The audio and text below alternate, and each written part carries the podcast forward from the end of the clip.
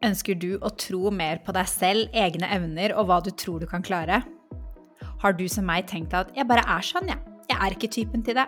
Jeg er bare ikke en sånn som er god på å snakke foran folk, jeg. Jeg er bare ikke smart. Jeg er bare ikke atletisk, jeg. Da er du i så fall ikke alene, og denne episoden kan være akkurat det du trenger nå.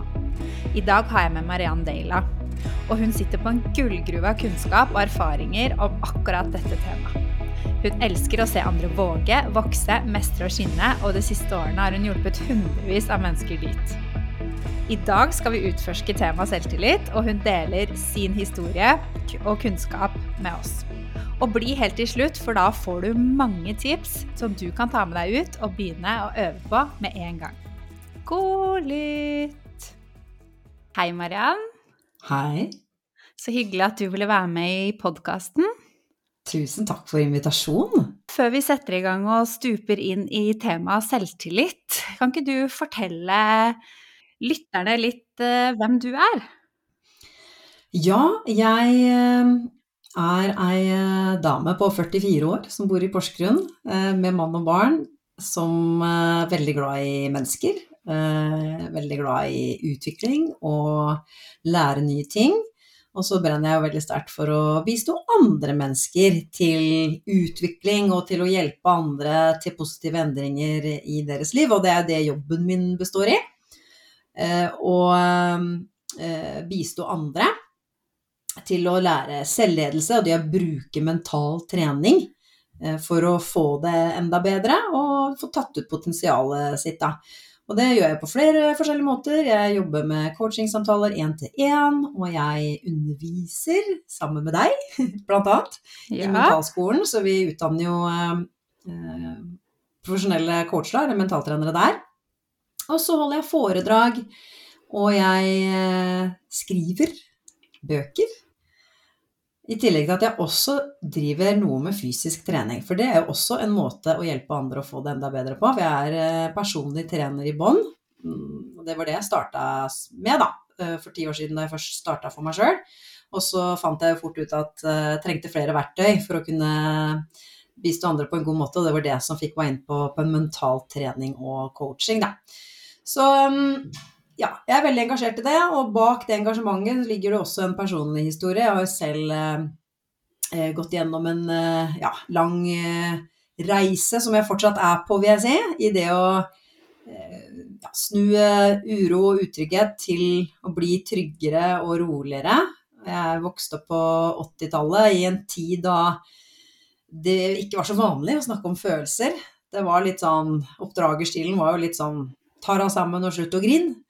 Eh, og det gjorde jeg, nemlig. Og det, jeg lytta ikke så veldig til følelsen av kroppen min, så jeg blei en sånn Jeg kompenserte med å bli en sånn flinkis, skikkelig flinkis som eh, Ja, jeg var en eh, perfeksjonist som dreiv meg sjøl beinhardt. Var veldig selvkritisk.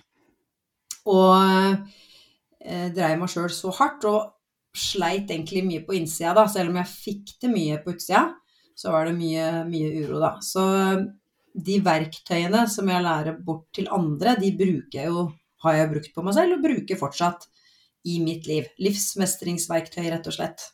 Som jeg unner alle uh, å uh, lære. Åh, ja. Det, og det er jo litt uh, visjonen vi deler sammen også, det å lære bort disse verktøyene. Og det er litt av en reise du har hatt.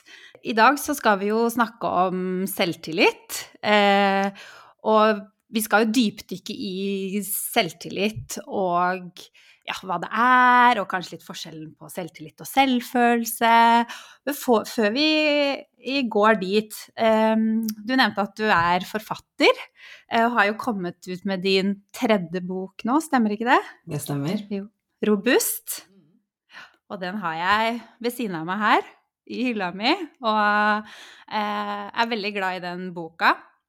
Og i forhold til selvtillit så leste jeg jo eh, Blant annet, det er jo flere historier der. Eh, det er jo noe av det som er gull med denne boka. At det er ikke, i hvert fall syns jeg, da, ikke bare kunnskap, men også dine personlige historier. Som gjør det veldig ekte og lett å, i hvert fall for meg å relatere meg til. Og så leste jeg at du du pleide å tenke at du var født uten atletiske evner. Og slik jeg kjenner deg i dag, og du nevnte det selv også, så, jobber, så jo også, jobber jo du også innenfor fysisk trening. Så fortell meg litt om det. Mhm. Hva, har, ja, hva er historien, og hva har endra seg? Jeg er overbevist om at jeg ikke eier balltalent. Det var jo helt ehm, Så det er jo et eksempel på et område jeg ikke hadde høy selvtillit på. Selvtilliten vår er jo da vår egen tro eller tillit til at vi skal få til ting. Eh, i livet eller på helt bestemte områder. Så jeg hadde veldig lav tillit til min egen mestring når det gjaldt eh, spesielt balleidrett, da. Og det er jo egentlig litt sånn klassisk eksempel på hvordan dårlig selvtillit kan utvikle seg. Fordi at jeg da som eh, liten da, hadde en uh, bror som var veldig god i idrett. Han elska og elsker fortsatt fotball overalt på jord. Han er jo trener i dag, da, og tidligere så var han eh, profesjonell eh, fotballspiller i mange år. Men han spilte jo fotball hver dag fra han var fem år, ikke sant, han levde ånda for det. Og så er det jo ofte sånn, det er jo sånn vi ofte gjør når vi er barn. Vi sammenligner oss med søsknene våre. Og vi, også vi speiler oss i det andre sier, ikke sant. I det foreldrene våre sier. Og det blei en litt sånn ja, Mariann hun jeg husker jeg begynte på håndball, nemlig, som tiåring. Jeg vet ikke helt hvor jeg fikk det fra, om det var noe mamma ville, eller Men jeg glemmer jo aldri at jeg følte meg så klønete. Så husker jeg at mamma sa noe sånn som at ja, nei, håndball, det var ikke noe for hun, det. Og, så, og mamma mente jo ikke noe vondt med det. Men det er jo liksom typisk foreldre kan gjøre at liksom, ja, Ronny det er han med valgtalentet, mens Mariann hun er sånn glad i å synge og drive med teater og sånn. Og så satte jeg meg sjøl i en bås. Jeg ga meg sjøl en merkelapp, en fastlåst merkelapp om at jeg, jeg er ikke Akkurat som det plutselig var Jeg var som, som, som person. At jeg er ikke en person som har balltalent. Og det fulgte meg jo uten at det har skapt sånn kjempestore problemer i mitt liv. For det er jo ikke sånn at jeg eh, var så forferdelig opptatt av idrett. Men jeg følte meg som en dust i gymtimene, da. Og så eh, Ja. Eh, sånn sett så hindra det meg. Men det her er jo et eksempel på hvordan vi mennesker kan ubevisst påvirke vår egen selvtillit negativt. Altså for det, det, handler veldig mye om måten vi tenker om oss selv på. Ikke sant? Så hvor mm. Stor tro vi har på evnene våre, det avhenger jo også av hvor mye erfaring vi har på et gitt område. Jo mer du har gjort en ting Altså de som lytter, da, de har kanskje drevet med en idrett i mange år, eller de har holdt på med en hobby, og da jo mer de har gjort det, så får de bedre selvtillit av det. Samtidig så er det ikke alltid sånn. Det er, det er, noe veldig sånn subjektivt ved det, altså som egentlig handler om hvordan vi tenker om det også. For du kan ha to personer da, som kanskje har spilt eh, fotball da, akkurat like lenge, og som kanskje leverer omtrent de samme resultatene. Men så har den ene veldig stor tro på seg sjøl, den andre har det ikke. Og det handler om måten vi tenker om oss sjøl på, som da påvirker hvor stor eller god selvtillit vi har. Og i, i mitt tilfelle så var jo da Eh, jeg hadde skikkelig dårlig selvtillit på idrett. Og så skjønte jeg jo, det var jo mange år seinere at jeg skjønte at det hadde veldig mye med måten jeg tenkte på å gjøre, da. Vi skal komme litt mer inn på det etter hvert. Men samtidig så begynte jeg jo med annen type idrett, da. Jeg begynte med aerobic først, som 16-åring. Og så Jeg spilte faktisk også fotball en periode, selv om jeg aldri følte meg noe flink til det. Så gjorde jeg det litt for å utfordre meg sjøl. Men over tid så skjønte jeg jo at ja, jeg er jo ikke helt håpløs. Men det var en overbevisning som var med meg veldig lenge, helt til jeg på et seinere tidspunkt skjønte at det er jo ikke sånn at vi enten er født sånn og blitt sånn eller ikke. Altså, det er jo ikke sånn, det er jo ikke så sort-hvitt. Jeg var jo ikke interessert. Broren min spilte fotball hver dag, så var jo gjennom øving at han blei så god. Hvis jeg hadde lagt inn samme mengden øving og interesse som han gjorde, så kunne jeg sikkert blitt en helt habil eh, ballspiller. Kanskje ikke så god som han, men jeg hadde sikkert blitt helt Kanskje kunne det òg, det vet jeg jo ikke. Hvis, men det er det som er forskjellen. Det er en annen måte å forklare det på. Ikke sant? At eh, mm. ok, jeg hadde ikke den interessen, jeg øvde ikke.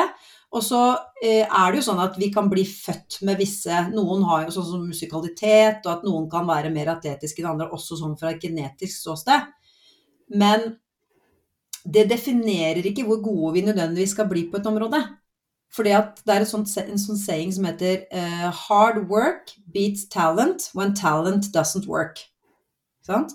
Broren min er et eksempel på det. Han var ikke det største tekniske balltalentet blant sine kompiser og de han lagspillere, men han var den som trente mest. Og trente smartest, kanskje, ikke sant? Som gjorde at veldig Og hadde da denne lidenskapen.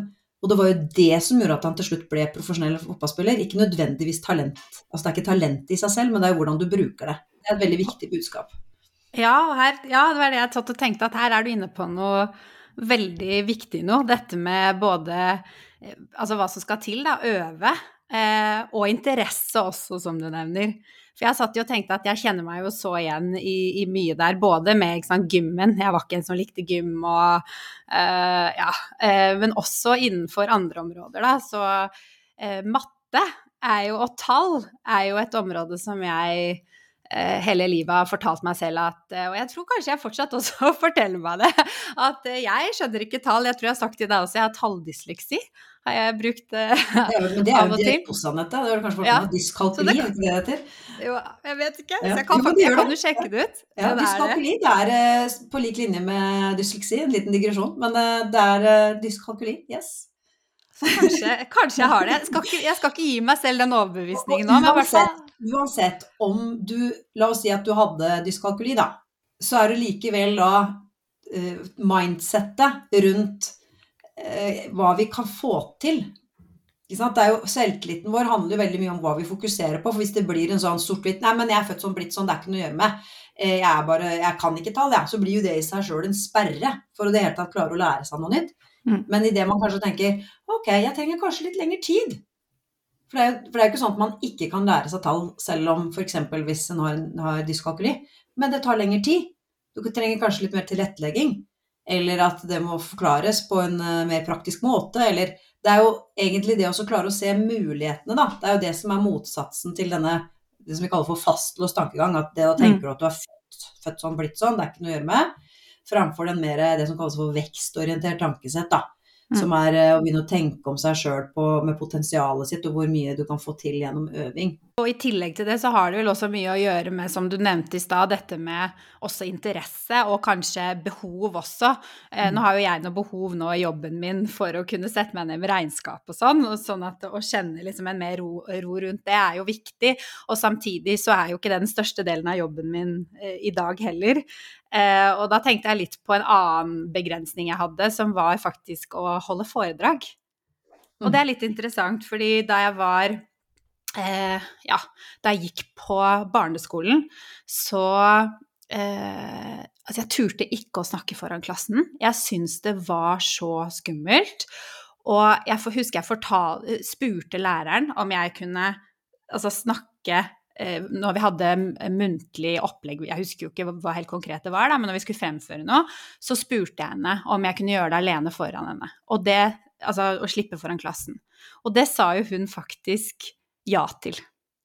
Det førte jo til at jeg aldri egentlig eh, fikk øvd så mye på dette her, å snakke foran folk i en forsamling. Så jeg dro jo med meg denne frykten i veldig, veldig mange år. Helt til jeg begynte å jobbe i eh, eh, altså begynte i den, en av de første arbeidsplassene jeg var på. Eh, og der husker jeg sjefen min der den gang da kom og spurte meg om eh, jeg kunne holde en presentasjon foran hele jobben. Og jeg bare kjente at klump i magen, det svartna, jeg hadde lyst til å synke ned foran et stort hull. Eh, og jeg fortalte meg selv at ja, jeg kan ikke kommunisere tydelig, jeg kan ikke stå foran de, jeg klarer ikke å formidle, og jeg er ikke en sånn person. Eh, samtidig så hadde jeg en, et, eh, et, lyst i meg og et ønske om å gjøre det, fordi jeg kjente at det er egentlig noe jeg har, har litt lyst til å bli god på og øve på. Eh, så jeg valgte å, å, gjennomføre det foran Det var jo foran hele bedriften, jeg tror det var 80 stykker eller noe. Ja. Eh, og det var kjempeskummelt. Eh, jeg fikk helt blackout, husket ikke hva jeg hadde sagt etterpå. Eh, og, men fortsatte da å, å, gjøre det hver gang jeg fikk muligheten. Eh, og har øvd veldig mye på det siden da. Og nå holder jeg kurs sammen med deg i mentalskolen og syns det er kjempegøy. Uh, det betyr ikke nødvendigvis at jeg ikke kan kjenne en spenning når jeg skal snakke foran en forsamling, men det er noe jeg syns er gøy, da. Uh, så en liten sånn uh, ja. Ja, jeg tenker et viktig budskap her, da, det er jo at ja. da du fant motivasjonen til å gå inn i det ubehaget av å gjøre noe nytt. For det, dette er et viktig poeng. Når vi skal gjøre nye ting som ikke vi har gjort før, så er det jo ikke så veldig rart at selvtilliten ikke er på topp. Vi har jo ikke da tidligere mestringserfaringer å vise til. Sånn at det å bygge selvtillit handler jo også veldig mye om å tåle det ubehaget det gir av å være litt dårlig på å gjøre noe nytt. Det er ingen som briljerer første gang de skal gjøre noe. Men så er det det at det, du fant en motivasjon. Ja, men jeg har lyst, det er viktig nok. Så vi skal jo ikke nødvendigvis kaste oss ut i det ubehaget bare for å gjøre det. Det er jo gjerne når du Oi, dette har jeg lyst til å gjøre, jeg har lyst til å bli bedre på det. Fordi det gagner meg. Og så er det det, det å da våge å gjøre det, og kunne øve seg på, sånn som jeg hører du da gjør, øve seg på å forholde seg til det indre ubehaget på en annen måte. At ok, nå kjenner jeg at jeg er spent. Eh, nå kjenner jeg på en uro i kroppen, eller hva det måtte være. Det er i seg selv ufarlig. Det er helt normalt. Og så eh, stå i det, da. Ikke sant? I det eh, du øver. Og vite at ok For det, er jo det som stopper veldig mange. Det er perfeksjonisme. Det at vi tenker at vi skal gjøre det dritbra første gang. Og ikke bare det. Som jeg også holdt på. Aldri tenkt. Jeg også har jo jobba mye med det med å snakke foran folk. Min overbevisning var jo også det at jeg ikke Min overbevisning var at jeg klarer ikke å snakke foran mennesker uten et manus. For jeg har jo drevet med teater, og, og jeg, had, også, jeg er jo journalist i bånn. Jeg var jo nyhetsoppleser i NRK, blant annet. Og øh, det mestrer jeg jo, men da hadde jeg jo alltid pugga enten replikker, eller jeg hadde et uh, manus som jeg hadde skrevet foran meg når jeg leste nyheter. Og så, så, skulle jeg på en audition for en programlederjobb da jeg, var 23 år, som gikk helt katastrofalt dårlig. Altså det var helt sånn fullstendig jernteppe, helt Jeg klarte ikke å Fikk ikke stotra fram et eneste ord og følte meg som en komplett idiot. Og jeg gikk ut fra den auditionen og tenkte Jeg er ikke sånn programledertype, jeg. Nei, det kommer aldri Det her kommer aldri Det her skal jeg aldri gjøre igjen. Og så blei det en sånn fastlåst For jeg, jeg hadde så høye forventninger til meg selv, og jeg sammenligna meg med da andre som hadde lang erfaring.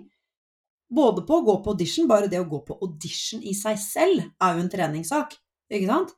Og da andre som hadde hatt lang erfaring som programleder. Så den negative sammenligningen kombinert med perfeksjonisme, altså dvs. Si en forventning om at jeg skal briljere første gang jeg gjør det, forferdelig dårlig kombinasjon.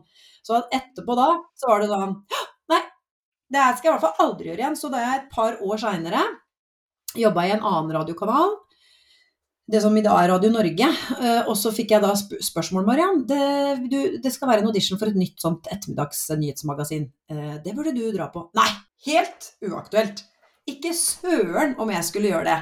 For jeg var jo helt overbevist om både at det her kommer jeg ikke til å klare, men også at jeg skulle i hvert fall ikke oppleve eller utsette meg selv for den skammen en gang til. Så det er jo et helt veldig godt konkret eksempel på hvordan en sånn begrensende overbevisning, altså en fastlåst tankegang, gir reelle begrensninger. Da. I, det fikk jo direkte konsekvenser for de valgene som jeg tok i min karriere. Ja, absolutt. Og jeg tror mange som lytter kan kjenne seg igjen. Jeg kjenner meg i hvert fall igjen i å ha gått i de, og kan fortsatt gå i de fellene du nevner der, både med fastløst og perfeksjonismen og ja, ja, så, så hvis, forventninger. Si, jeg hadde tenkt helt annerledes, da. La oss si at jeg hadde tenkt Nå skal jeg øve på å dra på audition. Og, og, jeg hadde hatt også en, uh, mer, et mer aksepterende forhold til at nå kjenner jeg at jeg er nervøs. Og så, Jeg sier nå at det gikk så katastrofalt dårlig. Det gjorde jo Jeg, fikk, jeg mista jo helt tråden sånn sett, men allikevel så var det sikkert ikke så ille som jeg husker det, da. Ikke sant? Og så, eh, men at jeg også kunne tenke etterpå Ja ja, det var eh, en audition, jeg fikk ikke den jobben. Det, men det, ok, hva kan jeg lære av det jeg gjorde nå? Hvordan vil jeg forberede meg annerledes neste gang? Hva, hva kan jeg ta med meg som, som, gjør at jeg kan gjøre det bedre neste gang? Mm. Men jeg, jeg torde jo ikke å si det til noen engang. Det, det tok jo flere år før jeg fortalte om den opplevelsen til noen. og, og, og, så hadde vi, vi, kjente ikke til mentaltrening eller selvledelse, jeg hadde aldri hørt om det før, så jeg, det var ikke noe jeg så, så, for de som lytter nå, da, og som faktisk er interessert i, i det, disse temaene, så er det bare sånn, tenker jeg, ah, hvis du skal gjøre noe nytt, enten det er eh, La oss si du driver med idrett da, og du skal spille et stort mesterskap, eller du skal, kanskje du skal søke på en ny skole og du må dra på en audition, gjøre noe sånt. Så bare se på det også som øving. Så selv om ikke du kanskje får jobben, eller du får eh, klarer å prestere på det nivået som du ideelt sett ønsker, så vær raus med deg sjøl, og bare husk på at du øver også på det å være i den situasjonen, da, og det har i seg selv en verdi. Og det du er inne på nå, er jo ganske viktig, og det er jo vel det som vi kaller for vekstorientert eh, mindset, eller tankesett også. Vil du si litt om de definisjonene? Du har jo nevnt noen eksempler nå, men fastlåst versus vekstorientert. Mm. Så som jeg sa innledningsvis, så vil jo selvtilliten vår, altså vi, vår, vår, egen tro på at vi skal mestre og utrette noe meningsfullt med evnene våre, vil være styrt av hva vi tenker om evnene våre. Så et vekstorientert tankesett I det tankesettet så tenker du at du ja, er født med, du er født med disse evnene, altså et gitt sett med muligheter eller evner, og så er fokuset på alt det du kan lære og utvikle med det du har. Sånn at da er ikke tanken at du er født, og så er du liksom Sånn er du. Du er eh, født med et potensial som du alltid kan utvikle. Og du kan bli mer fleksibel, og du kan strekke deg og lære nye ting hele livet. Og vi vet jo i dag at hjernen vår er plastisk, dvs. Si at den er formbar hele livet. Og i, når vi er unge, da, altså sånn i ungdomsåra, da er den jo helt vanvittig eh, formbar. Det er bare Altså, vi er jo som svamper, og det er utrolig eh, hva vi kan få til å lære. Og sånn er det også hele livet.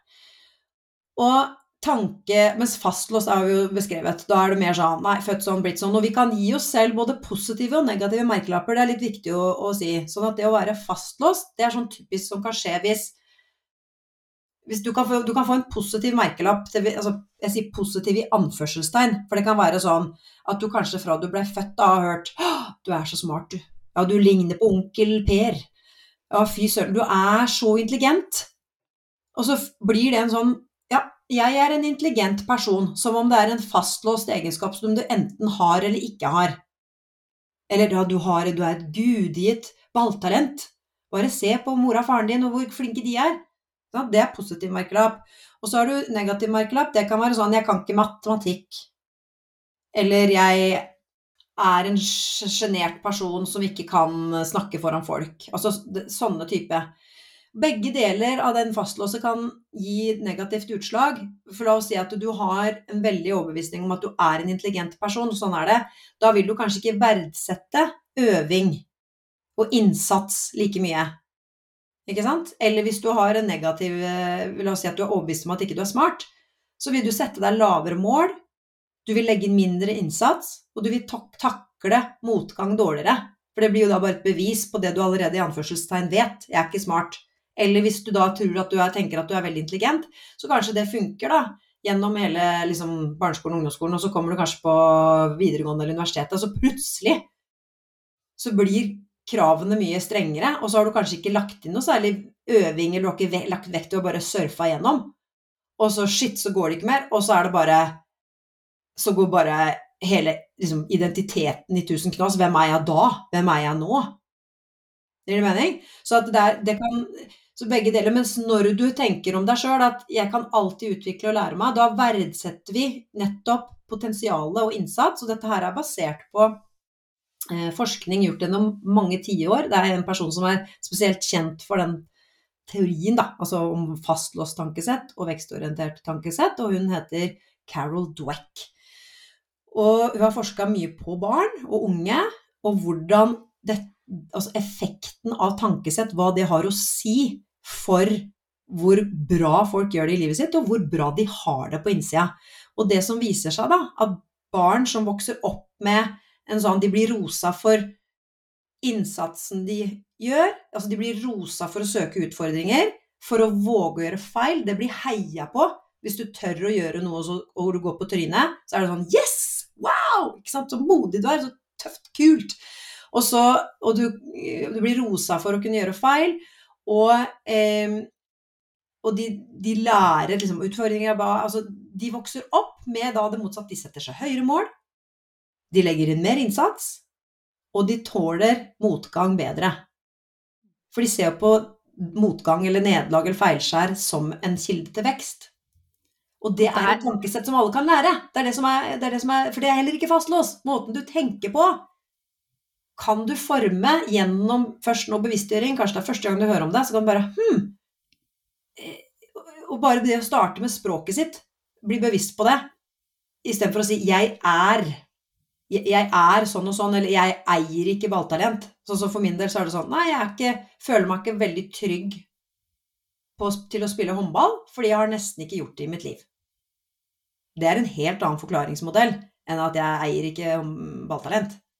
Så det er mm. at ok, jeg har ikke øvd på det så mye, eller jeg har ikke så mye erfaring på det, derfor så føler jeg at jeg ikke har så mye selvtillit. Men jeg, hvis jeg hadde vilt gjøre det, så hadde jeg sikkert klart å lære meg det.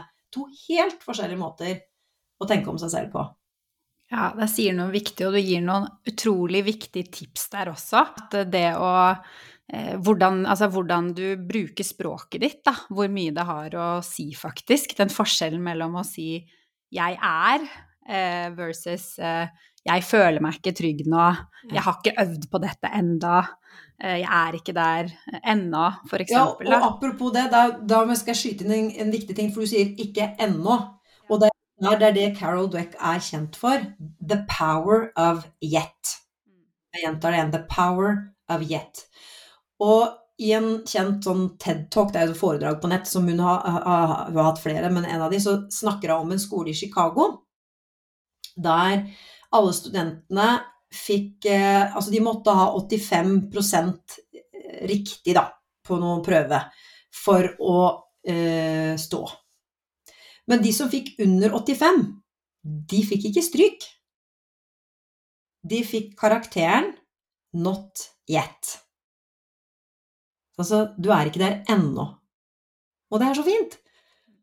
Fordi at det Mens en stryk, en strykkarakter, det failure, liksom en F altså, det, det, indikerer jo at ikke du har lært noe. Og det er også litt sånn Ja, ja, ja, stryk. Mens Not yet indikerer altså da, det, da ser vi inn i framtida at liksom, ok, du er ikke der ennå. Det peker vei mot framtida, mot mulighetene, mot alt det du kan lære. Eh, og det er det. Så jeg øver, jeg er ikke der ennå. Så hvis du har en prestasjon, eller du får en karakter, eller eh, det er noe på jobben som ikke går helt sånn som du hadde forventa, så er det noe med da trekke ut læringen. Hva kan jeg lære av dette her? Og så jeg øver, og så er jeg kanskje ikke det jeg vil være helt ennå, og så er jeg på vei. Det er jo litt mer eh, motiverende. En smule mer motiverende, må jeg si. Det har hjulpet meg mye å, å, bruke, den. Og så satt jeg også og tenkte underveis at dette er jo ikke helt eh, Med en tanke som slo meg at det er jo ikke Det er jo eh, situasjonsbetinget også. Vi kan jo ha et vekstorientert tankesett i noen kontekster eller situasjoner. Eh, og så har vi et fastlåst i noen. Det er i hvert fall min erfaring. Ja, ja, ja. Jeg jobber med og meg selv. Ja. Mm. Og, mm. For vi er ikke det heller. Vi er ikke måten vi tenker på. Det er jo bare noe Nei. vi gjør i visse situasjoner. ja. Og um, jeg tenker også det er jo ikke et poeng at vi skal være vekstorienterte heller på alle områder i livet. Altså for eksempel jeg. Jeg kan tulle med at jeg har ti tommeltotter, og at jeg ikke kan strikke, og jeg klarer ikke engang å sy tull i buksa på, til, som, til, til barna, da. Til deg, det går ikke. Jeg eier ikke Eller baking. Så jeg ler litt av det. Men det er jo Jeg har jo ikke så veldig mye interesse av å lære meg det heller. Ja, det, er nettopp det er greit. Det er helt greit. Det, jeg har andre i familien som er dritflinke til å bake. De kan gjøre det, de. Altså, jeg trenger ikke å være god på det. Altså Jeg har ikke lyst til å trykke meg på det. Nei, jeg satt og tenkte jeg ler litt, fordi eh, vi, vi, prøvde jo å få, tak, eh, få til denne podkasten i går også. Vi hadde jo litt eh, tekniske utfordringer. Og så tenkte jeg det området, det er også et område, i hvert fall for meg, og sånn jeg kjenner deg også, så uh, ja, som kan irritere meg litt hvis jeg ikke får til. Eh, og, og syns sånn tanke. Jeg er ikke en sånn teknisk person. Jeg også fikk det. Jeg sa det til og med til deg, tror jeg. Bare jeg er ikke en teknisk person. Og jeg kjente sånn, Vi lo jo mye i går, og det frustrerte meg jo også. Sitte der og holde på med det. liksom. Det var ikke det vi skulle gjøre, vi skulle jo kose oss med podkast og snakke.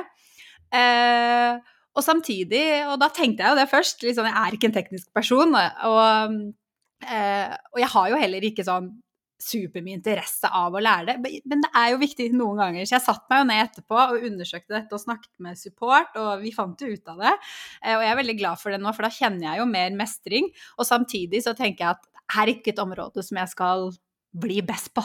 Det er ikke der jeg eh, briljerer med de tekniske ferdighetene. Da, da ringer jeg heller en venn det er noe med det at vi, vi kan uh, lene oss på andre. Og så vil ja. jo selvfølgelig både um, hvordan det oppleves, hvor lett det oppleves, og også kanskje gleden ved det vil være større når vi øver på noe. Da la oss si at du skulle holdt på, spilt inn podkast hver dag. Da hadde du etter hvert Det hadde blitt så lett. Da hadde du fått som Akkurat som med coachinga, når vi øver på, øvd på det, da og når du var student som, som coachstudent, da hadde du så sinnssykt stor, sterk motivasjon. Men det var jo bare eh, liksom, Og de gangene du ikke helt fikk det til, og sånn var det for meg og når jeg Men så var det sånn Ja, men jeg hadde så lyst til å finne ut av hvorfor, ikke, hvorfor det ikke gikk helt som det gjorde. Og så er det mm. gjennom mengdetreninga at etter hvert så blir det lettere og lettere. Så med teknikken så får vi ikke så mye øving på det. Det er jo det, er jo det som er. Vi, heldigvis så må vi ikke det så mye, da. Så da Nei, det er grunnen til at jeg ikke jobber i teknisk eller IT-avdeling. Ja. Mm. Så Omhu, hva du eh, For de som lytter, hvis det er sånn at de, den som lytter kjenner at de strever litt med tro på seg sjøl noen ganger For dette er jo det Hvordan vil du vite at du har lav selvtillit? Det er jo hvis du stadig begrenser deg sjøl fra å ta nye sjanser, at du har litt liten tro på at du skal klare noe, som gjør at du kanskje kvier deg for å gå inn i nye ting, så er det lettere for deg bare å holde deg til det trygge og det faste og det vante. Eh, og at du kanskje, hvis du også har en tendens til å snakke deg sjøl veldig ned, være veldig kritisk til dine egne leveranser, så er det noe med å Ok, det kan du øve på å snu, men så er det noe med først å velge på hvilke områder er det viktig for deg å få bedre selvtillit. Det trenger ikke å være på alle arenaer. Kanskje det er i jobben din, da, eller at det er på skolen, eller at det er i det sosiale, hva det nå måtte være. Men det å velge seg en arena og bare her skal jeg, denne, På denne arenaen, den betyr mye for meg, her skal jeg øve på å endre mindsettet mitt. Så vil det også smitte over på andre områder.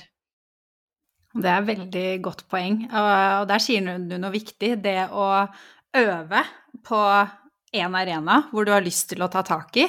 Eh, og samtidig da så kan man jo bruke en annen arena når man øver, eh, hvor Altså se på en arena du faktisk har selvtillit i, eh, og se på Se på da, ok, hva er det jeg gjør i den situasjonen, hva er det jeg tenker om meg selv, eh, hva er det jeg sier til meg selv, eh, hvilken Ja. Eh, og, og, se på ok, hvordan er kroppsspråket mitt, hva gjør jeg i de situasjonene? Og så se at ok, men jeg har jo den selvtilliten på denne arenaen, det betyr jo at jeg kan overføre det til den andre arenaen, da. Og nå er du inne på mm. et eh, helt konkret tips for mm. hva Vi har allerede vært innom det, men vi, hvis vi tenker på okay, så hva kan du gjøre for å få bedre selvtillit? Nummer én mm. utvikle et vekstorientert tankesett. Begynne å tenke om deg selv. At det er ikke sånn at du enten har det eller ikke har det, men at det er sånn jeg øver. Så det er det, er det første.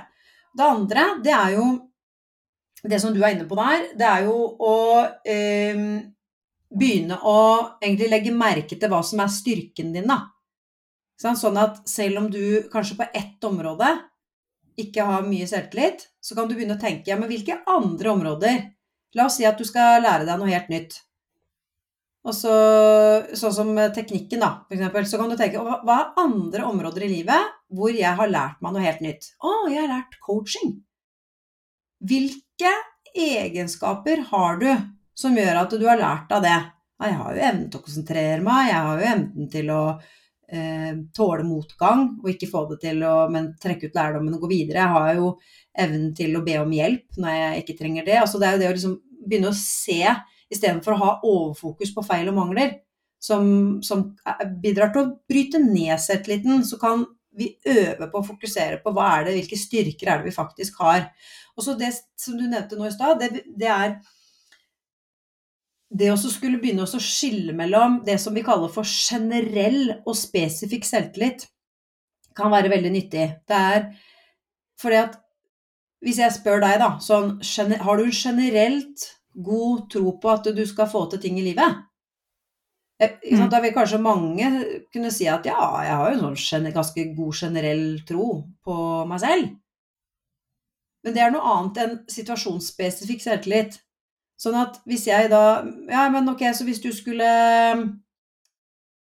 Ja Gått inn og tatt en helt ny eksamen, da, eller plutselig spille et nytt ballspill, siden vi har vært inne på det eksempelet, i morgen Ville du hatt god selvtillit da? Nei. Det er jo det gjerne når vi skal gjøre noe nytt. Men det er situasjonsspesifikt, ikke sant? Så det er særlig relevant når du skal lære deg noe nytt. Så kan du altså du kan jobbe med å styrke din egen tro på mestring i den situasjonen, når du skal gjøre noe helt nytt som du er inne på, ved å tenke gjennom hvilke generelle egenskaper har jeg, men også kan det være å eh, bruke positiv sammenligning. Så du kan tenke ok, hvem andre er det jeg kjenner som kan teknikk, f.eks., eller som har lært seg teknikk fra null til ingenting, og, og, og som jeg kan sammenligne meg med? En kollega eller Gjerne en som er litt lik deg sjøl. Eller f.eks. hvis det er å begynne å trene, hvis det er målet. Trene. Hvis ikke man har, Det kan jo være da, jeg er ikke en sånn person som trener, hvis det har vært et mindset. Ok, jeg kan, jeg har en kropp, jeg kan bevege meg, jeg kan øve på å trene og lære meg å like det. Jeg har fått av andre ting, starta med andre vaner tidligere i livet mitt som jeg har fått av. så da kan du bruke okay, det jeg f.eks. lært meg å Jeg vet ikke, eh, drikke et glass vann hver dag, altså hvis det er det det er. Og så nummer tre, hvem er det jeg kan sammenligne meg med som, som har gjort det, som jeg kan bli inspirert av? Det er en måte Og det igjen styrker jo troen på egen mestring. Bare tenk hvilke grenser som flytter seg. Eh, sånn som vi har sett eh, eh, ah, Hva heter han eh, vestlendingen som er så god i hekk? Hekkeløp? Å, det er ikke et område jeg har så stor selvtillit på. Warholm. Ja. Det, Det han har gjort, er jo helt sinnssykt. Hvem hadde trodd at en nordmann skulle oppklare det han hadde gjort? Han gjorde, ikke sant? Som bare er, Plutselig så flytter det grenser, som gjør da at det er barn over hele Norge som plutselig tenker jøss, det er mulig å vinne verdensmesterskap. Så, så det, det, at vi ser at andre gjør noe, det kan gi oss en tro på at vi kan klare det, vi òg. Men vi kan bruke det aktivt, ikke sant? Mm. En annen måte å støtte seg selv på for å liksom få øke selvtilliten når du skal gjøre noe nytt, det er å søke aktiv støtte fra andre. Sånn som vi gjør i mentalskolen, ikke sant? at vi har mentorer, og det at bare det er et nettverk, du har andre studenter du kan uh, både bli inspirert av, men også søke støtte i. Eller hvis det er så vidt, ja. ja. Og også hvis du skal begynne å trene, da. At du allierer deg, da. Kanskje du leier inn en trener, det kan være det. Eller det kan bare være det å trene med venner eller at du får med deg partneren din. At du har folk som støtter og heier på deg i det du gjør. Det er også med på å gi deg sjøl Ok, da er det lettere å få tro på egen mestring. Og det er så eh, Der var det bare masse, masse gulltips. Og, og det siste også var bare så slo meg at det, eh, vi har så lett for, i hvert fall jeg, da, og kan jo du også sikkert kjenne deg igjen i, Mariann, og i hvert fall hørt det før, og andre også, i det at det, nei, vi skal klare alt selv er så viktig at vi klarer det selv. Eh, eller vi kan ikke bry andre med våre spørsmål. Eh, eh, kan du si litt om, litt om det, og, og, og, hva årsakene bak det kan være? Mm. Ja, det er jo ofte en Det kan være flere ting, da. Det ene kan jo være frykten for å bli avslørt, eller liksom ikke skulle framstå hvis, La oss si at det å være liksom perfeksjonist er et mønster og da er det jo da gjenspeiler jo det hvilke holdninger man har til seg selv. Sånn at la oss si jeg er en perfeksjonist, da vil jo jeg ha urealistisk høye forventninger til meg sjøl om alt det jeg skal klare å få til. Og hvis jeg da ikke klarer det, så, så tenker jeg da ubevisst at det sier noe om meg som menneske. Det er jo sånn typisk perfeksjonisme at da er den der, Altså flinkhet blir da på en veldig rigid måte kobla til selvfølelsen, altså følelsen av egenverdi. Og da blir det veldig vanskelig å be om hjelp òg. At eh, jeg vil jo ikke be om hjelp, for da, da avslører jeg meg sjøl. Og da vil jo den andre tenke at jeg er eh, en komplett idiot, eller at jeg ikke er så flink som jeg tror at jeg må være for å bli godtatt og eh, liksom, akseptert i fellesskapet. Så det er jo, det, det er jo en, et mønster, eller en årsak som kan blande seg inn. Men så er det også dette overansvaret som vi kanskje tar, da. Det at vi er så redd for å være til bry.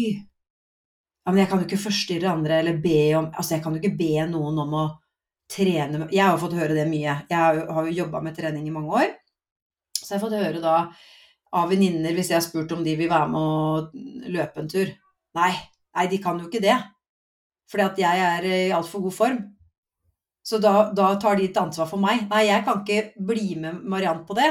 Fordi at eh, da kommer hun til å få mindre effekt av sin trening. Derfor så spør de meg heller ikke om støtte. Fordi de tenker at eh, jeg kan ikke by Mariann med det. For det blir jo kjedelig for hun. Er du med på det? Så da tar Mm. de avgjørelsen på mine vegne. Så det å ta overansvar, det er når vi liksom Nei, jeg vil ikke være til bry, som da un, Under der da, så ligger en sånn antakelse om at da er jeg til bry, da. Og det er jo det vet vi jo Altså, det er jo ikke sånn det er.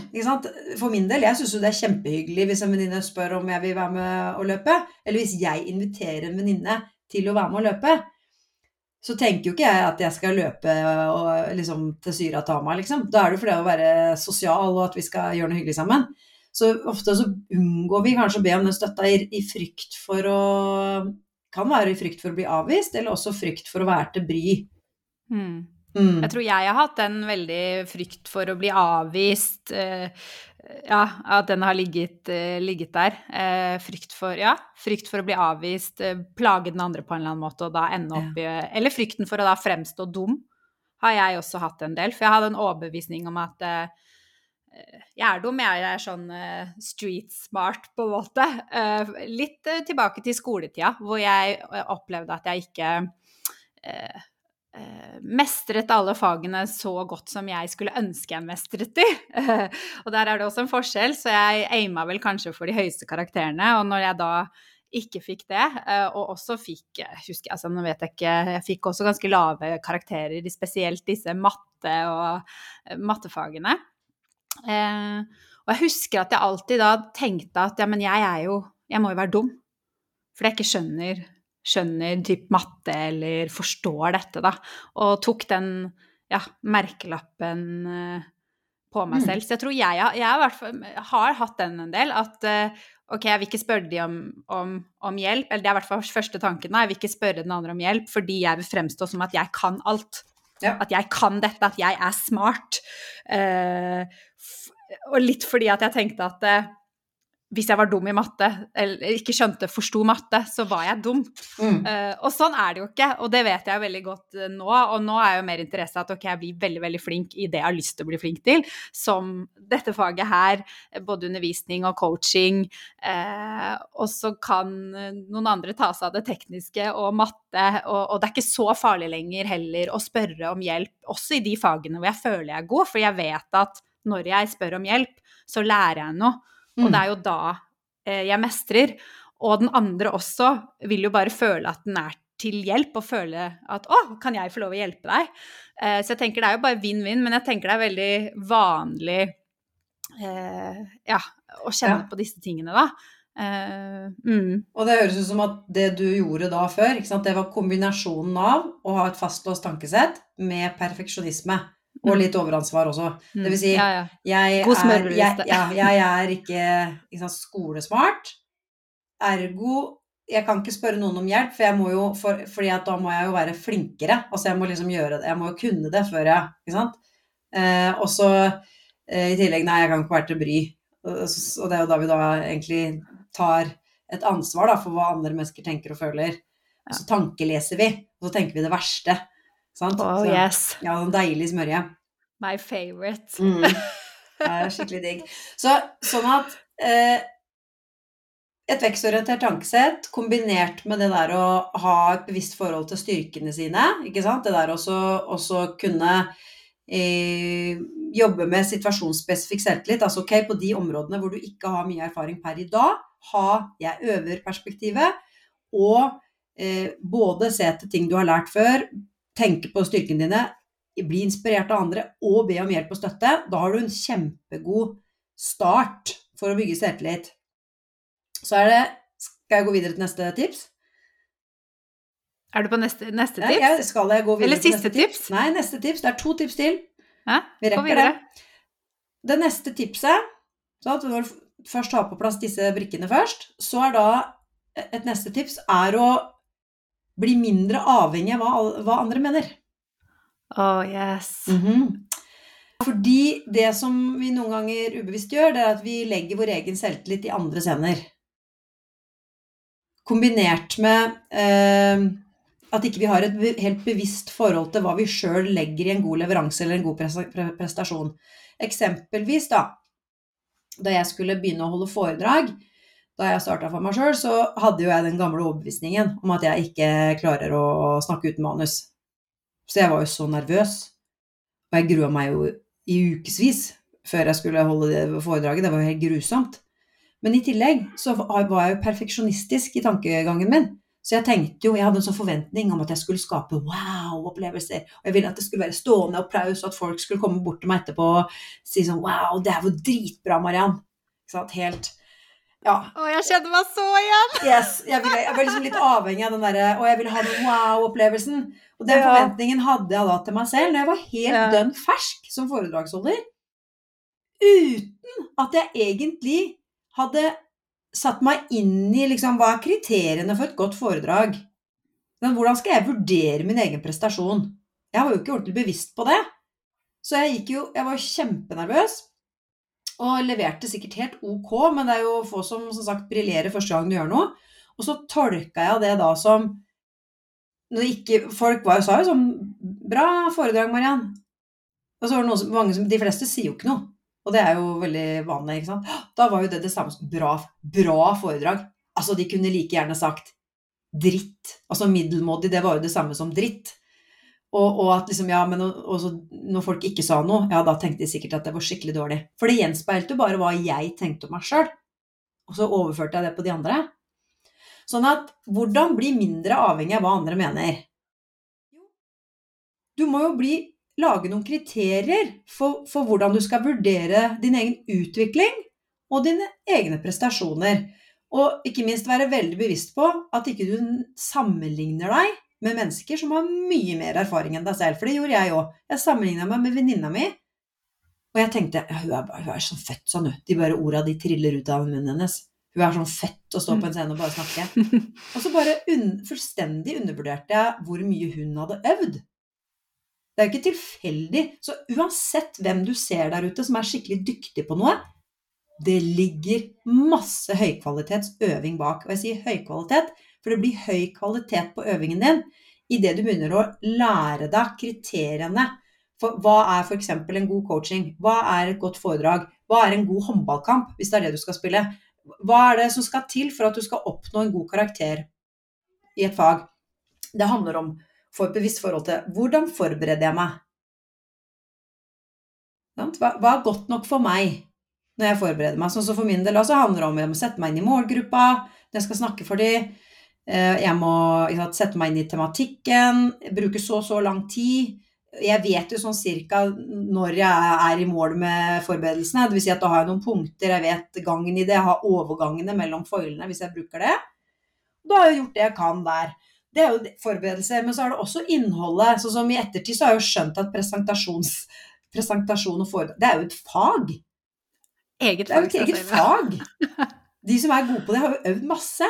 Ja, ja. Så Men det da- ser så naturlig ut for noen. Det ser så lett ut, Det var sånn jeg så tenkte for deg òg. Sånn, Ja, Marianne, og det bare kommer kommer av seg sjøl. Ja, men det gjør jo ikke det. Så det er jo alt fra hvordan du skal, jeg skal dramaturgisk bygge opp en eh, presentasjon, til hvordan jeg skal stå på scenen, hvordan jeg bruker stemmen min, hvordan jeg Mm. bruker kroppsspråket mitt. Alt dette her, og jeg har jo ikke lært dette alt på én gang. Men, jeg har jo, men det er jo det jeg begynte å få en annen sånn vekstorientert tankegang da, rundt Mm. det. Så var det sånn Hva gjør de beste? Altså gå mer systematisk inn i det. Og dermed, i dag så er jeg ikke noe særlig sårbar for andres meninger. Så at eh, hvis jeg, etter at jeg har holdt et foredrag, så har jeg et ganske god idé sjøl om jeg er fornøyd med min egen leveranse eller ikke. Mm. Og så klarer jeg å pinpointe hva jeg var fornøyd med og ikke fornøyd med, fordi at jeg har fått kunnskap om kriteriene for hva som skal Mm. til for å være god. Så hvis en Mm. person kommer bort til meg etterpå og sier sånn ja Eller liksom kanskje ikke sier noe, da. Som oftest sier ikke folk noe. Vi får vel Feedback er Ikke noe I hvert fall jeg får veldig mye når jeg er ute og snakker og sånn. Men hvis noen kommer, så sier de gjerne sånn 'Bra foredrag'. Det er hyggelig å få det, men det sier meg jo ingenting. Jeg legger jo ikke veldig stor vekt på det. Det er hyggelig å høre det. Men hvis jeg virkelig skulle lært noe av det, så ville jeg jo spurt ja, hva syns du var bra? Men de fleste er jo ikke forberedt på et sånt spørsmål. For liksom, de tenker kanskje ikke over, for det krever jo kunnskap og gi kvalitetsfeedback, ikke sant? Så det, mitt budskap da er når du ja, lager dine egne kriterier, du må sette deg inn i det på det området som du eh, ønsker å bli bedre på, så må du sette deg inn i hva er det jeg helt konkret trenger å bli bedre på, hvilke ferdigheter trenger jeg å utvikle, og når du ber om feedback, eller hvis du får feedback, vær kritisk til hvem du tar det imot fra. Ikke ta imot feedback fra hvem som helst, som kanskje ikke har greie på det du driver med. Oppsøk feedback viktig. fra de du har tillit til, de som du vet at du kan lære noe av. Og hvis ikke de klarer å begrunne feedbacken sin, ros eller ris da, Og det tenker jeg sånn tenker jeg er sånn superviktig tips også til de som går på skolen og har fått en karakter eller noe, så kanskje de ikke helt forstår den karakteren, eller kanskje de forstår den, men ønsker å vite ok, hva kan gjøre at jeg får en enda bedre karakter, er helt konkret, og faktisk da gå og spørre læreren sin. Yes. Mm. Det, jeg hadde et eksempel med det med min datter her for litt siden. og Hun eh, kom hjem og var kjempemisfornøyd pga. en dårlig karakter. Vi snakker mye om det her hjemme. Og, og, så sier jeg ja, jeg skjønner at du syns det var det kjipt. Ikke sant? Eh, og så hva har du lært av det? hvilken tilbakemelding fikk du fra læreren? Nei, jeg fikk ikke noe tilbakemelding. Fikk du, ikke noe? Fikk du bare karakteren? Ja. Ja, men det er jo helt meningsløst. Ja, så jeg liksom eh, oppfordra deg til å gå tilbake til læreren og så spørre hva skal jeg gjøre for å få bedre karakter neste gang? Og det var på en, eh, jeg tror det var en engelsk essay eller noe sånt noe. Og da fikk jeg beskjed ok, du hadde ikke, hadde ikke referanseliste, eller det var noe feil i referanselista. Og hun hadde ikke begrunna hovedpunktene godt nok, så hun må ha mer for- og imot-argumenter. Mm. Og da er det så mye lettere å bare Den karakteren sier ingenting om Det er bare et øyeblikksbilde. Det sier ingenting om det du kan lære å få til i framtida. Så det er noe med å få Hva kan du jobbe med? Så neste gang da, så vet min datter da at det er det hun skal jobbe med. Mye mer motiverende. Ja, veldig. Og det er superviktig. Uh, dette er jo noe vi trener mye på i mentalskolen, uh, og som i hvert fall har gjort at jeg har snudd veldig mitt mindset rundt dette her, og liksom gå og be helt konkret om feedback. Og uh, kunne da jobbe med den ene feedbacken, da. Og egentlig sette pris på feedback istedenfor å tenke på at det er kritikk av meg og jeg var ikke god nok, eller ja, den smørja der. Det betyr ikke at jeg ikke kan kjenne på det fortsatt eh, hvis jeg får en feedback, og i hvert fall ikke hvis jeg er litt sånn uenig også. Eh, disse følelsene kan jo komme, men eh, det handler jo om hvordan ja, jeg forholder meg til det. Og det er et kjempeviktig poeng. Ja. Sånn som vi sa innledningsvis, når du skal gjøre noe nytt, eller du skal øve på noe, så er det helt normalt å kjenne på ubehag. Eller sånn som da jeg skrev eh, den boka her. Ja. Det er jo ikke lenge siden den kom ut. Så sendte jeg manuset til 13 testlesere for å få feedback.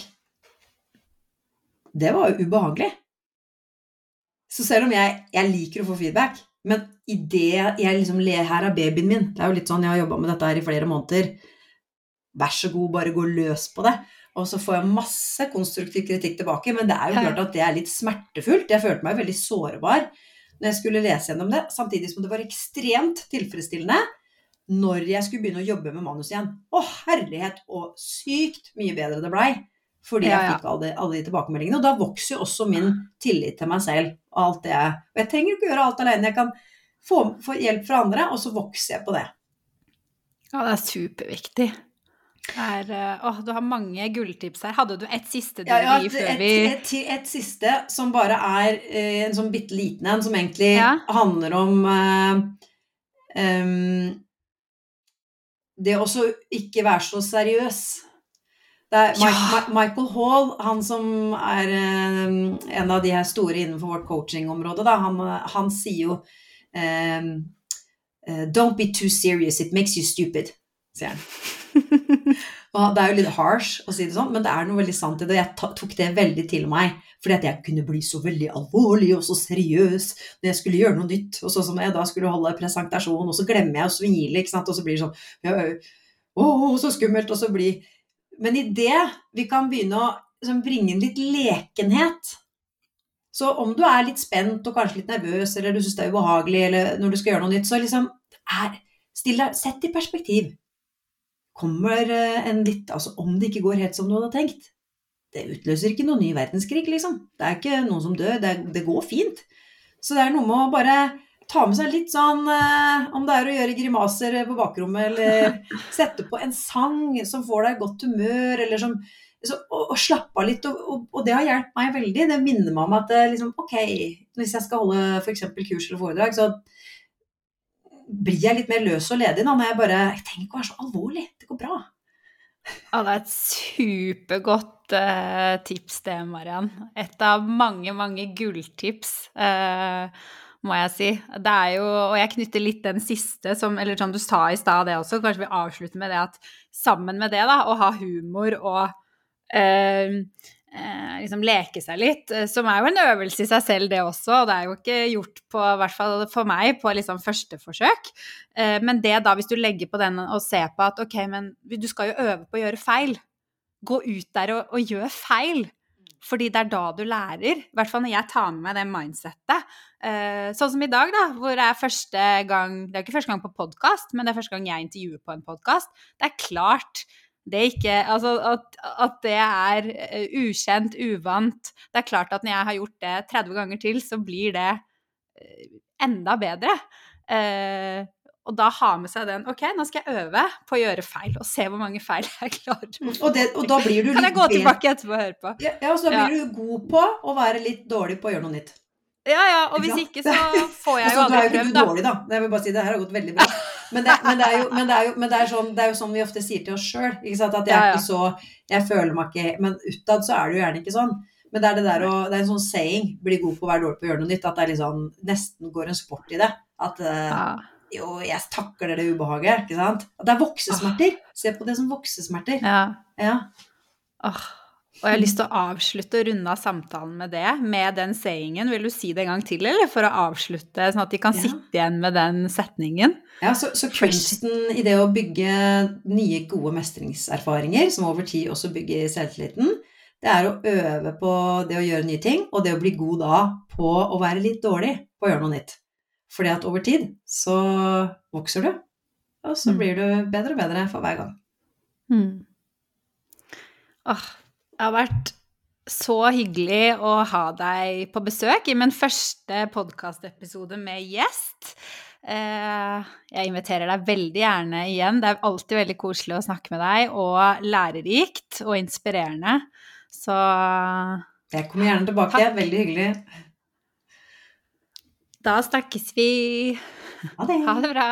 Om du nå tenker at du vil høre mer fra Mariann, så kan du følge henne på Instagram. Der finner du henne på Mariann Deila.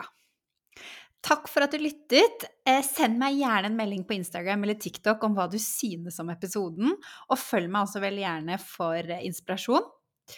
Eh, og om du likte denne episoden, så legg veldig gjerne igjen en rating og kommentar, og del videre. Jo flere som får dette budskapet, jo flere som også kan få det bedre.